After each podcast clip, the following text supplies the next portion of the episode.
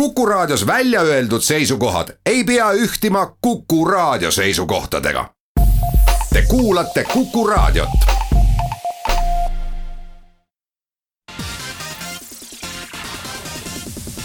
nädala Tegija. ja tere nüüd ka Nädala Tegija stuudiost.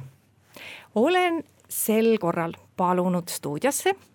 majandus- ja taristuminister Taavi Aasa. tere, Taavi Aas ja tere tulemast Nädala Tegija saatesse. tere päevast. saatejuht on Ulla Lents ja Taavi Aas, palju õnne, teil on täna sünnipäev. aitäh aga hakkame siis nüüd tõsiste teemadega pihta, sest selle nädala algupoolel avalikustasid kolme riigi, kolme Balti riigi riigikontrollid ühise auditi, mis puudutas Rail Balticu projekti toimimist või selle tegevuse tegemist. no ega sealt nüüd midagi väga erilist välja ei tulnud, ses mõttes, et äh, arvamusi selle kohta, et projekt on pisut jäänud ajakavast maha, mistõttu võib projekt ka kallimaks minna, et neid arvamusi eelmisel aastal öeldi juba välja mitmel korral ja ma tean, et teie ise olete suhteliselt optimistlik ses osas, et äh, projekt ju võib veel jõuda õigesse graafikusse, et kas pärast selle auditi nägemist teie optimism ikka veel jätkub? no eks ta tõsi on, et ka varasem audit ju tõi välja selle, et on oht, et projekt ei saa õigel ajal valmis ja te, teise asja, mis, mis samamoodi tõi ka varasem audit välja, et on oht sellele, et rahastus ei pruugi olla piisav. aga tegelikult need kaks asja on omavahel seotud ja, ja tõesti selleks, et me jõuaks ajagraafikusse tagasi, selleks, et me suudaksime realiseerida need vahendid, mis Euroopa Liit juba on meile ette näinud selle projekti teostamiseks, ehk et oleks kindel, kindel rahastuse jätkumine ka järgmisel perioodil, siis tuleb pingutada. Ja täna mul on väga hea meel kõigepealt selle üle, et ka kolme Balti riigi peaministrid on selgelt välja öelnud, et tegemist on kolme Balti riigile kõige suurema, kõige olulisema projektiga üldse, mis koos on kunagi ette võetud ja, ja nad on võtnud, peaministrid siis selle, selle projekti oma nii-öelda kontrolli alla, üsna pea tuleb järgmine kohtumine, kus jällegi peaministrid vaatavad üle, et millised on muutused vahepeal toimunud, kuidas, kuidas on suudetud teha järeldusi, nii et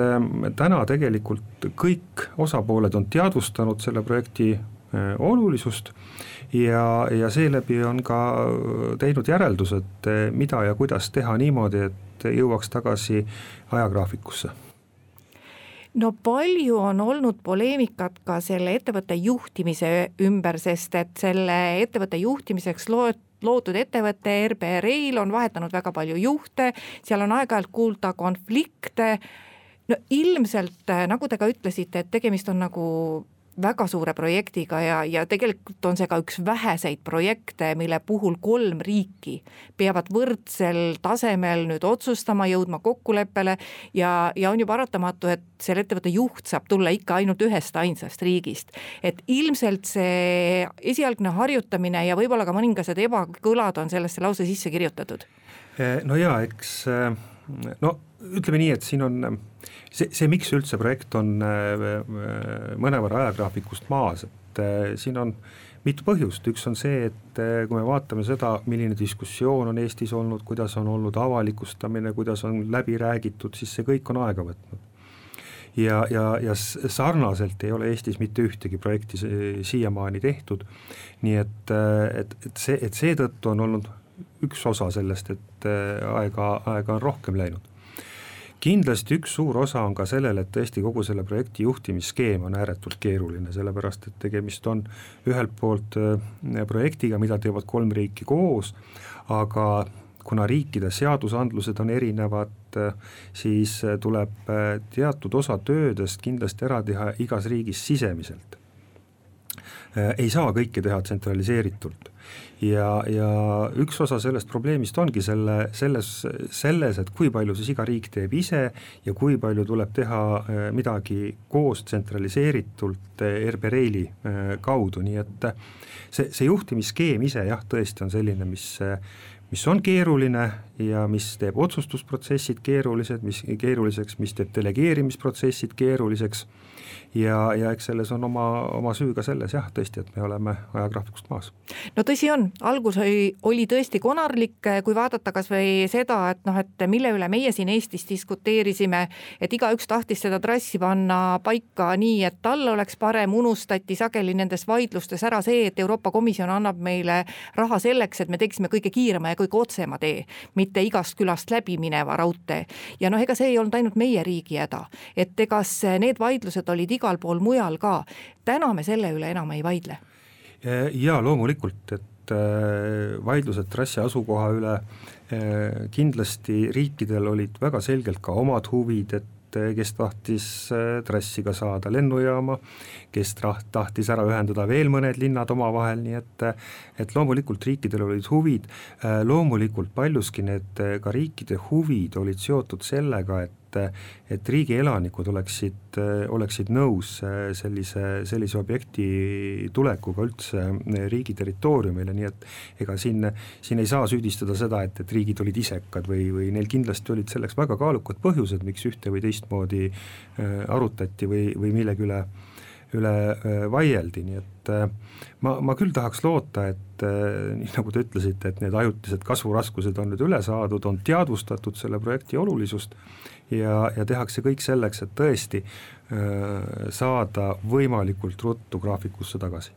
no üks asi, millele see audit veel tähelepanu juhib, on, on asjaolu, et äh, täna me päris täpselt ei tea, äh, kui kallis see lõpp-projekt ikkagi tuleb ja, ja tähelepanu juhitakse asjaoludele, et kui ta nüüd läheb oluliselt kallimaks või ütleme ka Euroopa Liidu järgmises rahastamisperioodis me ei saa nagu sellist summat, nagu me lootsime, saame vähem, saame võib-olla väga palju vähem, et siis riikidel ei ole oma pikaajalistes äh, investeeringutes selget nägemust, et et, et seda raha ei ole nagu ütleme, sellesse pikaajalisse investeerimiskavasse sisse kirjutatud, kuidas meil on, et kas teie siis, kui valitsus äh, arutab seda, mis ei saa mitte järgmisel aastal, vaid pikemas perioodis, et kas te olete nagu mingist summast seal suutnud rääkida? no äh, kõigepealt äh, see, kui palju või kas läheb projekt kallimaks, et täna me tegelikult spekuleerime kui vaadata neid, tõsi, neid hankeid on küll vähe olnud, aga need hanked, mis Eestis on toimunud, need ei ole kallimaks läinud. nüüd selle lõpliku hinnangu maksmise koh-, maksumuse kohta tegelikult saab ikkagi anda alles põhiprojekt, siis kui põhiprojekt on valmis. kõik see, mis enne seda toimub, on puhas spekulatsioon ja, ja noh, põhimõtteliselt ei ole nagu mõtet ka selle spekulatsiooniga kaasa minna, et et pigem keskendume sellele, mis meil on vaja ära teha Äh, ja, ja siin on ka tegelikult vastus teisele küsimusele, et äh, Euroopa Liidu järgmise perioodi rahastus, kõigepealt Euroopa Liit on kinnitanud, et tegemist on Euroopa Liiduga top viie sees oleva projektiga.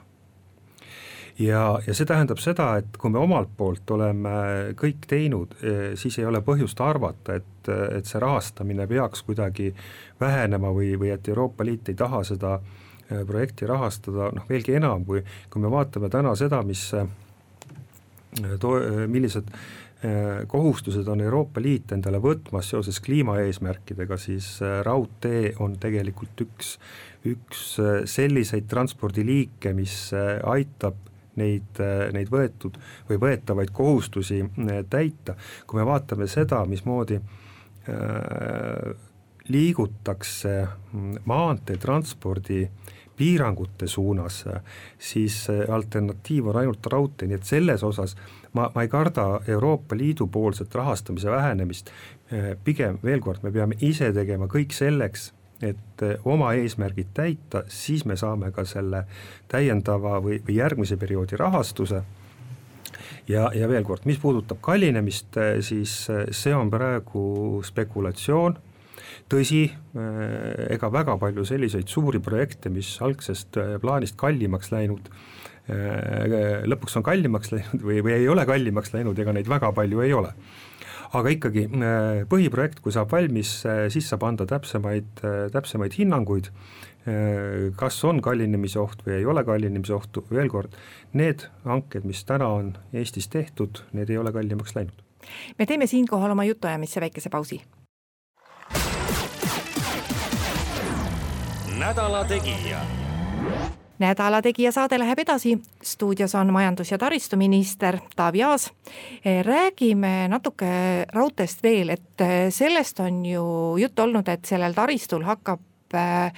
sõitma mitte ainult kaugrong ja mitte ainult need kaubaveod, mis lähevad Eestist välja, vaid et seda taristut võiks hakata kasutama ka kohalikus rongiliikluses ja seoses sellega on kohalikud omavalitsused eh, tekitanud ju küsimusi nendest kohalikest peatustest, mis võiksid selle taristu ääres ka olla.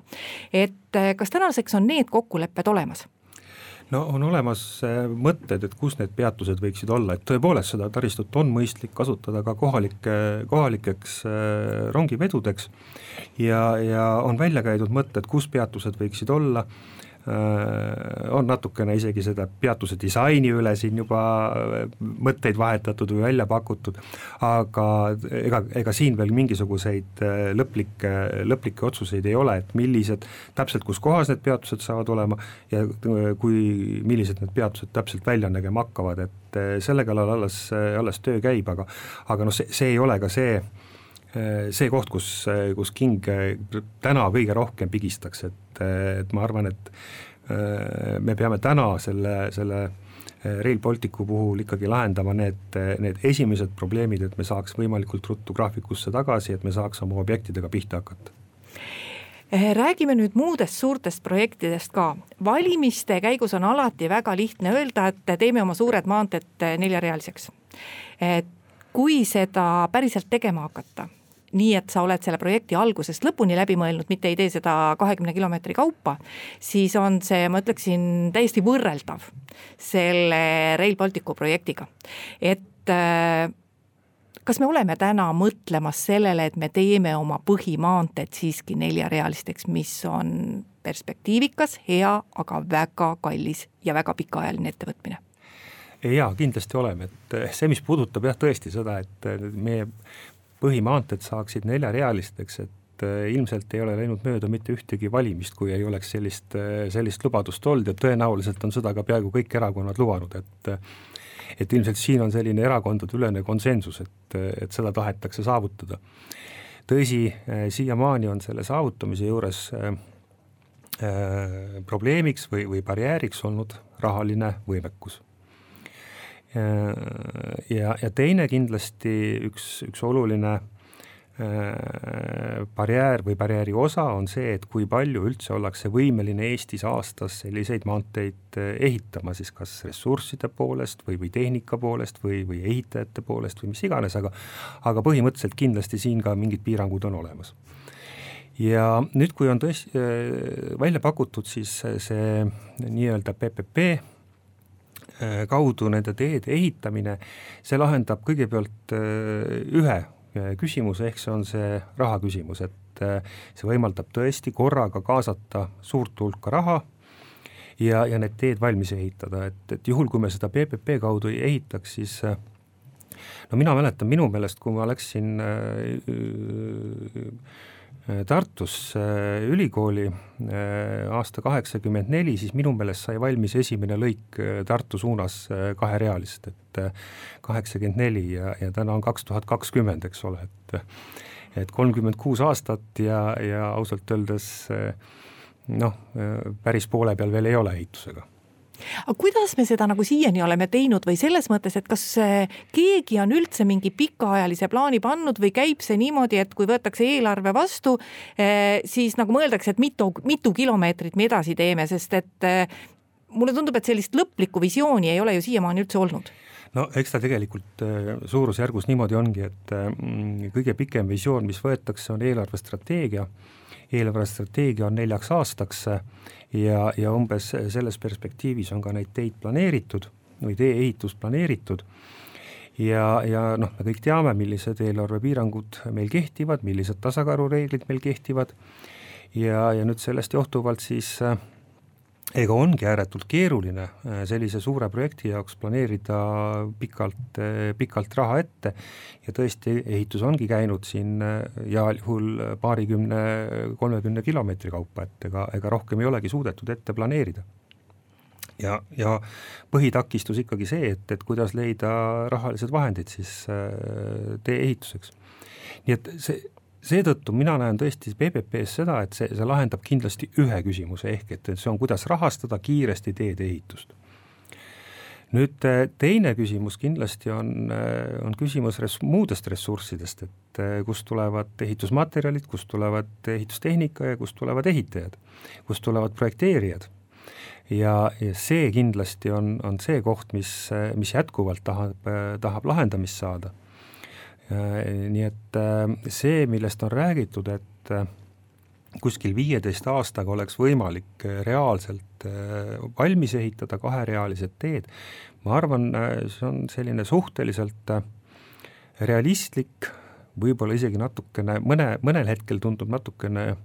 optimistlik prognoos, aga samas meil väga palju asju jääb kinni ka bürokraatiasse, omavahelistesse kooskõlastutesse, siin ma ei tea, keskkonnauuringut ja nii edasi, et, et kui, kui selle koha pealt õnnestub äh, protsessi kiirendada, siis tegelikult äh, võib olla ka see, see tempo natukene kiirem kui see viisteist aastat, nii et äh, tegelikult aga realistlik selline tõesti viisteist aastat võiks olla me teeme siinkohal oma jutuajamisse natuke pikema pausi, kuulame ära Kuku raadio poolesed uudised ja räägime siis Taavi Aasaga edasi. nädala Tegija. Nädala Tegija saade läheb edasi, stuudios on majandus- ja taristuminister Taavi Aas. Ja räägime teedeehitusest veel. Ma ei tea, kui palju te olete analüüsinud seda, mida teie eelkäijad teinud on. et kui vaadata meie teedeehituse praktikat, kas me oleme siiani raha kulutanud otstarbekalt? meie autoajakirjanikud siin aasta alguses kritiseerisid päris teravalt seda kaks pluss üks versiooni, mida nüüd on hakatud ehitama, öeldes, et seal on väga paha sõita äh, on räägitud ka sellest, et äh, mõnedes suhteliselt väikese liiklusega paikades on püstitatud päris suuri, keerulisi ja kalleid tee-ehituslahendusi. et kuidas sellega on, et äh,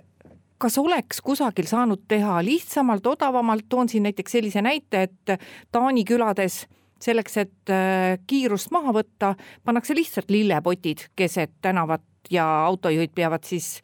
neist ümber saama sõita, aga et noh, et meie teeme igale poole neid ringe, mis äh, lähevad ju palju rohkem maksma. Äh, noh, ma alustaks sellest, et kui me vaatame tagasi, siis ma arvan, äh, me oleks palju paremas olukorras, kui,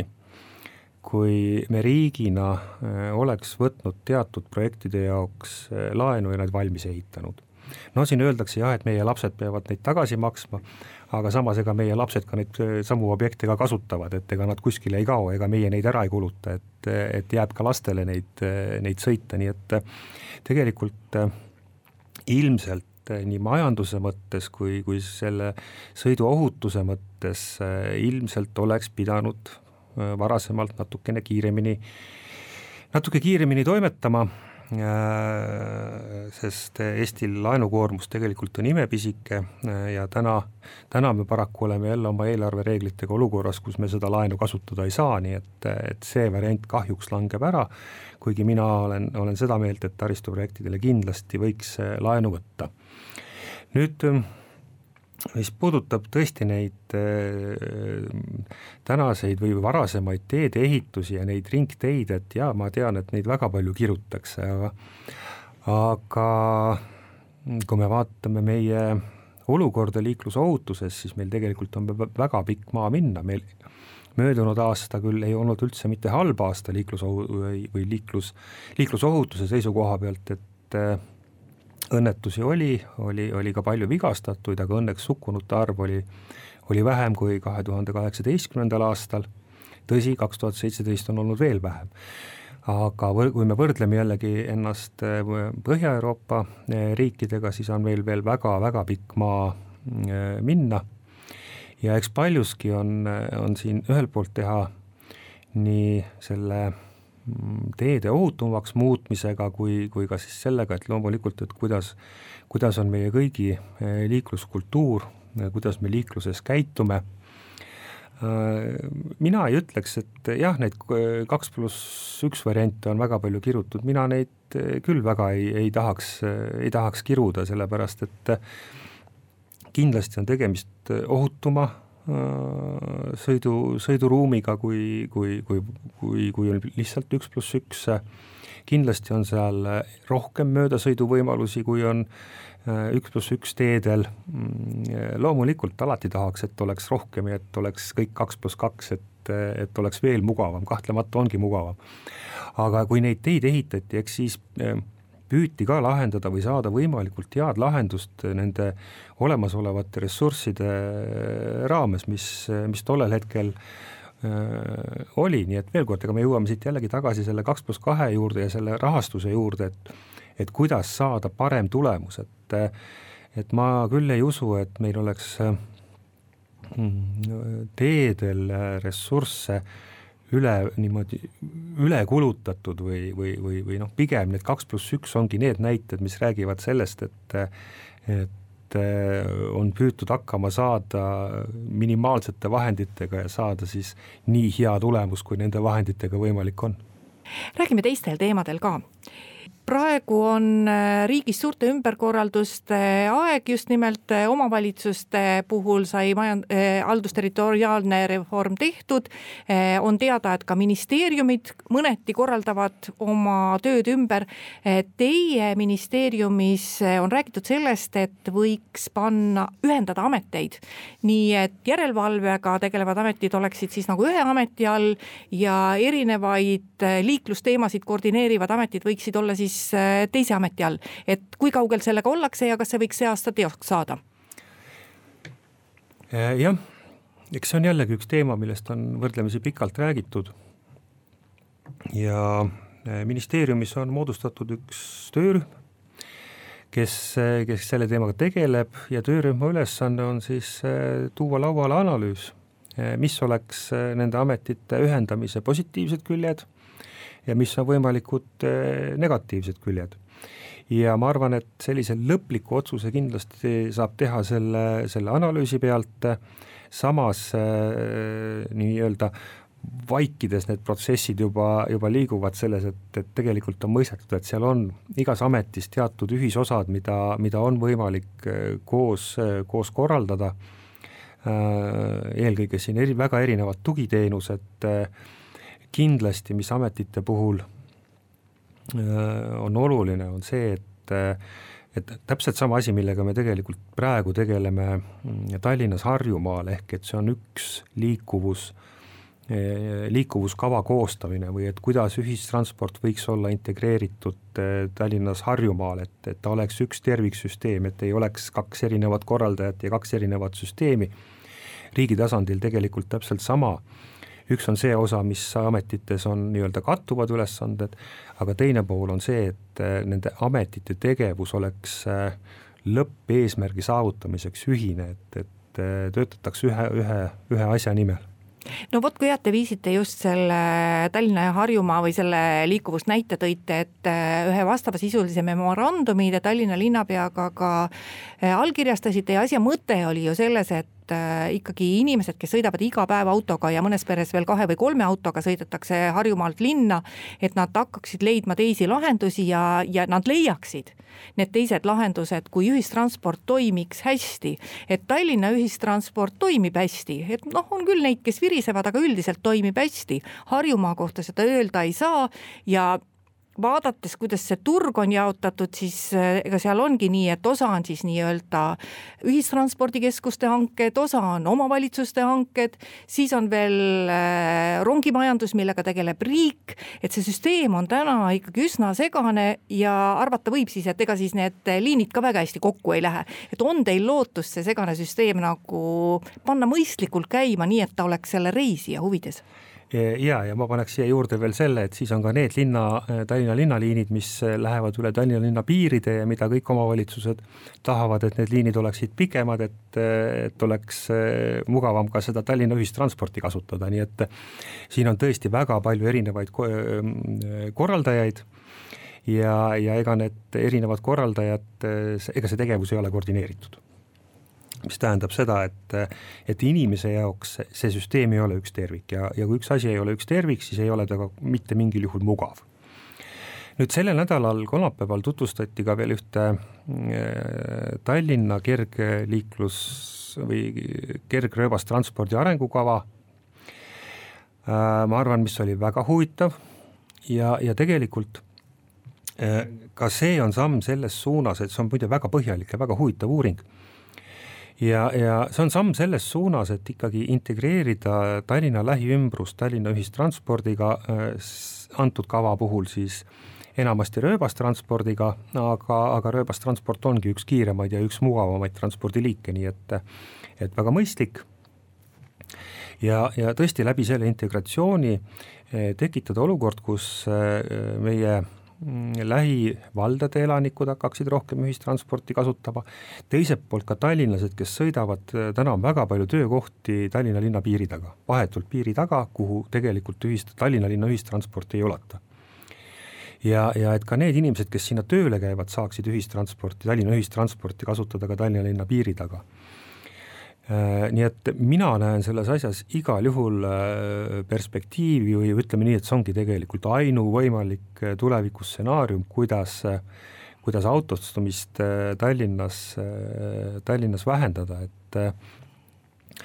ja loomulikult siin peab olema ka nüüd siis seotud see äh, bussitransport, mis on väljapool Tallinnat ja mis,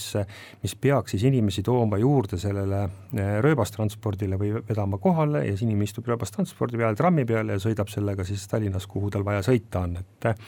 ma olen toonud ikka Viimsi näidet, et meil on kolm liini, mis sõidab Tallinna kesklinnast Viimsisse. Need on siis Harjumaa või, või Põhja-Eesti Ühistranspordikeskuse liinid ja nad on suhteliselt hõredalt sõidavad sinna ja suurema osa oma sõiduajast veedavad nad Tallinna linnas, ega seda Viimsit pärast on seal pisikene jupikene, mis nad sõidavad. et kui needsamad kolm liini teenindaksid seal Viimsis sees, siis tegelikult Viimsi bussi sise, bussiliiklus võiks olla no isegi veel tihedam, kui, kui ta on Tallinnas ja, ja kindlasti oleks see inimestele mugavam, nii et meil on siin väga palju kohti, mis läbi mõelda. me teeme ühe pausi oma jutuajamisse veel ja läheme siis kohe edasi. nädala Tegija nädala Tegija saade läheb edasi, stuudios on majandus- ja taristuminister Taavi Aas ja kui veel alanud aastast rääkida, siis eh, kas sellel aastal valmistatakse ette ka mõnede riigiettevõtete, kas siis müüki, börsile minekut või midagi seesugust? ja no ettevalmistamised tegelikult algasid eh, möödunud aastal ja ühe ettevõttega me oleme päris, päris kaugele jõudnud, Eesti Teed, ja eh, ma arvan, et eh, selle ettevõtte mm, müük, erastamine eh, saaks, saab toimuma veel selle, selle aasta kevadel, nii et siin on juba päris, päris kaugele jõutud. nüüd teine ettevõte, kellega intensiivselt tegeletakse, on Operail siin on olnud mitmeid mõtteid ja, ja praegu on üks, üks suund analüüsimisel, kuidas seda äh, mõistlikult äh, läbi viia, aga ma arvan, et selle juurde võiks siis tagasi tulla, kui see analüüs on, on valmis ja, ja, ja ja me oleme selle teekaardi maha pannud, et mis osa, kui palju ja millal ja kuidas siis äh, Äh, kas siis erastada, börsile panna äh, või, või mis siis sellega ette, ette võtta. ja üks oluline suur ettevõte loomulikult, millega tegeletakse, on Enefit äh, Green ja tema börsile minek, nii et aga see loomulikult juba allub oma reeglitele, et, et siin ka väga pikalt peatuda ei saa. aga see on ka täiesti, täiesti töös ettevõte, nii et ja ma arvan, et see, see on üks selline koht tõesti, kus ettevõte, mis on tulevikku suunatud ja, ja ma arvan, kus äh, kõikidel eestimaalastel võiks olla, kellel vähegi on võimalik äh, huvi oma mm, äh, oma kas siis näiteks kas või pensionid kindlustada läbi selle, et, et selle, mm, selle aktsiate pakkumisel osaleda? no aasta lõpus sai kaante vahele noh, esmapilgul näib, et selline bürokraatliku pealkirjaga dokument riiklik energia- ja kliimakava aastani kaks tuhat kolmkümmend, mida me teeme seetõttu, et ühelt poolt, et Euroopa Komisjon seda nõuab, aga teisalt peaks ta andma meie ettevõtetele ka sisulist informatsiooni, et kuidas me nende kliimateemadega edasi läheme ja võib-olla selles, mis meil täna toimub, see kõik annabki sellele dokumendile ka natuke suurema sisu. samas on ju teada, et ega me ju väga täpselt ei tea ka kogu Euroopa Liidus, kuidas toimub eh, nendele uutele tehnoloogiatele ülemineku puhul, mis on kulukamad kindlasti, kuidas toimub kompenseerimine, kas see toimub siis, et kompenseeritakse tootjale või kompenseeritakse tarbijale. et kui palju sisulist infot me läbi selle dokumendi saame täna oma ettevõtjatele anda selle kohta, mis juba lähiaastatel seoses kliimaeesmärkidega, mis nendest saab, nende tootmisest saab ja kasvõi sellest samast, et mis meie oma põlevkivi kaevandamisest ja põlevkivienergeetikast saab? Äh, no tegelikult on niimoodi, et Eesti on siin äh, Euroopa Liidus kõige kaugemale jõudnud, et meil tõesti on olemas äh, teekaart, kuidas eesmärkideni jõuda. Ja mitte ainult see kliimakava, mida tegelikult peavad esitama kõik Euroopa Liidu riigid, ma tean muidugi, et on mõned, mõned riigid ka öelnud, et nad ei jõudnud seda eelmise aasta lõpuks valmis aga lisaks sellele meil selle dokumendiga paralleelselt ju valmis ka uuring selle kohta, et eh, mida või, või kuidas aastaks kaks tuhat viiskümmend või kas on võimalik saavutada kliimaneutraalsust ja kui on, siis mis see maksab. Nii et Eestil tegelikult on olemas väga hea teekaart, kuidas edasi liikuda, ka selle kliimakava näol, see kliimakava on üks osa sellest, tõsi jah, see on üks dokument, mida, mida Brüssel nõuab, aga Eesti on sellesse suht-, suhtunud sisuliselt ja, ja seal on tegelikult kirjas kõik need meetmed, mis aitavad meil saavutada aastaks kaks tuhat kolmkümmend eesmärke, mis on siis aluseks selleks, et sealt liikuda edasi juba uutel eesmärkidel kaks tuhat viiskümmend. ja eks seal igal asjal on ka teatud rahaline mõõde juures, me teame, mis see maksab, me teame seda, kui palju üks kui palju peab erasektor panustama, kui palju panustab äh, avalik sektor äh, eesmärkide saavutamisse. Äh,, nii et mina soovitan küll seda, seda dokumenti kindlasti lugeda, sellepärast et isegi kui aeg teeb sellesse teatud korrektiivid, siis väga laias äh, plaanis on see ikkagi aluseks selleks, kuidas me edasi liigume no põlevkivi kaevandamine paratamatult meil ju kogu aeg väheneb. Äh, väheneb äh, ka tänu sellele, et põlevkivielekter on ikkagi kallis, et mis perspektiiv meil sellel tööstusharul nagu lähitulevikus üleüldse on? no vot, siin tuleks eristada kahte asja, üks on põlevkivi kaevandamine ja, ja teine on selle põlevkivi kasutamine elektri tootmiseks, et äh, põlevkivist elektri tootmine mm, on tõesti eelmise sajandi lahendus ja ta on kõige ebaökonoomsem põlevkivi kasutamise viis üldse, mis on võimalik välja mõelda. Äh, tegelikult põlevkivist äh, on võimalik toota näiteks põlevkiviõli mis omakorda on tooraineks, no jah, öeldakse, et see on nüüd fossiilne kütus, et, et kaua seda ikka põletada, aga tegelikult on see ka tooraineks äh, keemiatööstusele ja nii edasi, nii et, et see, see äh, õli tootmine ei tähenda sugugi mitte seda, et seda kasutatakse ainult, äh, ainult laeva, laevamootorites, et, et võimalusi on väga palju. Nii et mina küll ei näe seda, et meil peaks põlevkivi kaevandamine kui selline lõppema. Küll aga tõesti äh, hakkab vähenema või juba on vähenenud selle põlevkivi kasutamine äh, elektri tootmiseks, samas sellel põlevkivil on väga palju muid võimalusi, kuidas seda kasutada. Ja, ja ma ei näe küll ühtegi põhjust, miks me oma äh, no täna võib öelda, rahvuslikku rikkust ei, ei kasuta siis selleks, et, et sellest, sellest riigile kasu tuua Taavi Aas, ega täna meie majandusnäitajad on ju suhteliselt kenad. et äh, kuidas me riigina oleme valmis, kui nad ühel päeval nii kenad enam ei ole ähm,? Jah, täna on, no viimased numbrid on olnud küll lausa suurepärased, et ei, ei, ei saa midagi halba öelda. Aga eks need äh, suured taristuprojektid, mida, mida me plaanime ette võtta, et äh, see on tegelikult üks võimalus selleks, et kuidas äh, Äh, anda ettevõtjatele ja inimestele tööd ka siis, kui, kui majandus tervikuna peaks hakkama jahtuma. Ja ma arvan, need taristuprojektid kindlasti on majandusele mootoriks, noh siin on olnud juba ka ju hoiatusi, et kui meil praegu läheb nii hästi, et kas me peaksime siis veel riiklikke projekte ette võtma, et äh, jah, loomulikult, et äh, mingis mõttes võib see olla probleem, teiselt poolt me kõik tahame, et et ühelt poolt läheks veel paremini, teiseks, et meil oleksid korralikud ühendused, korralikud teed, et meil oleks hea ühendus Euroopaga raudtee näol, nii et, et et eh, mina neid projekte praegu seisma küll ei paneks, aga juhul, kui tõesti peaks juhtuma nii, et majandusel ei lähe nii hästi, siis need projektid on kindlasti toeks sellele, et, et majandusel läheks paremini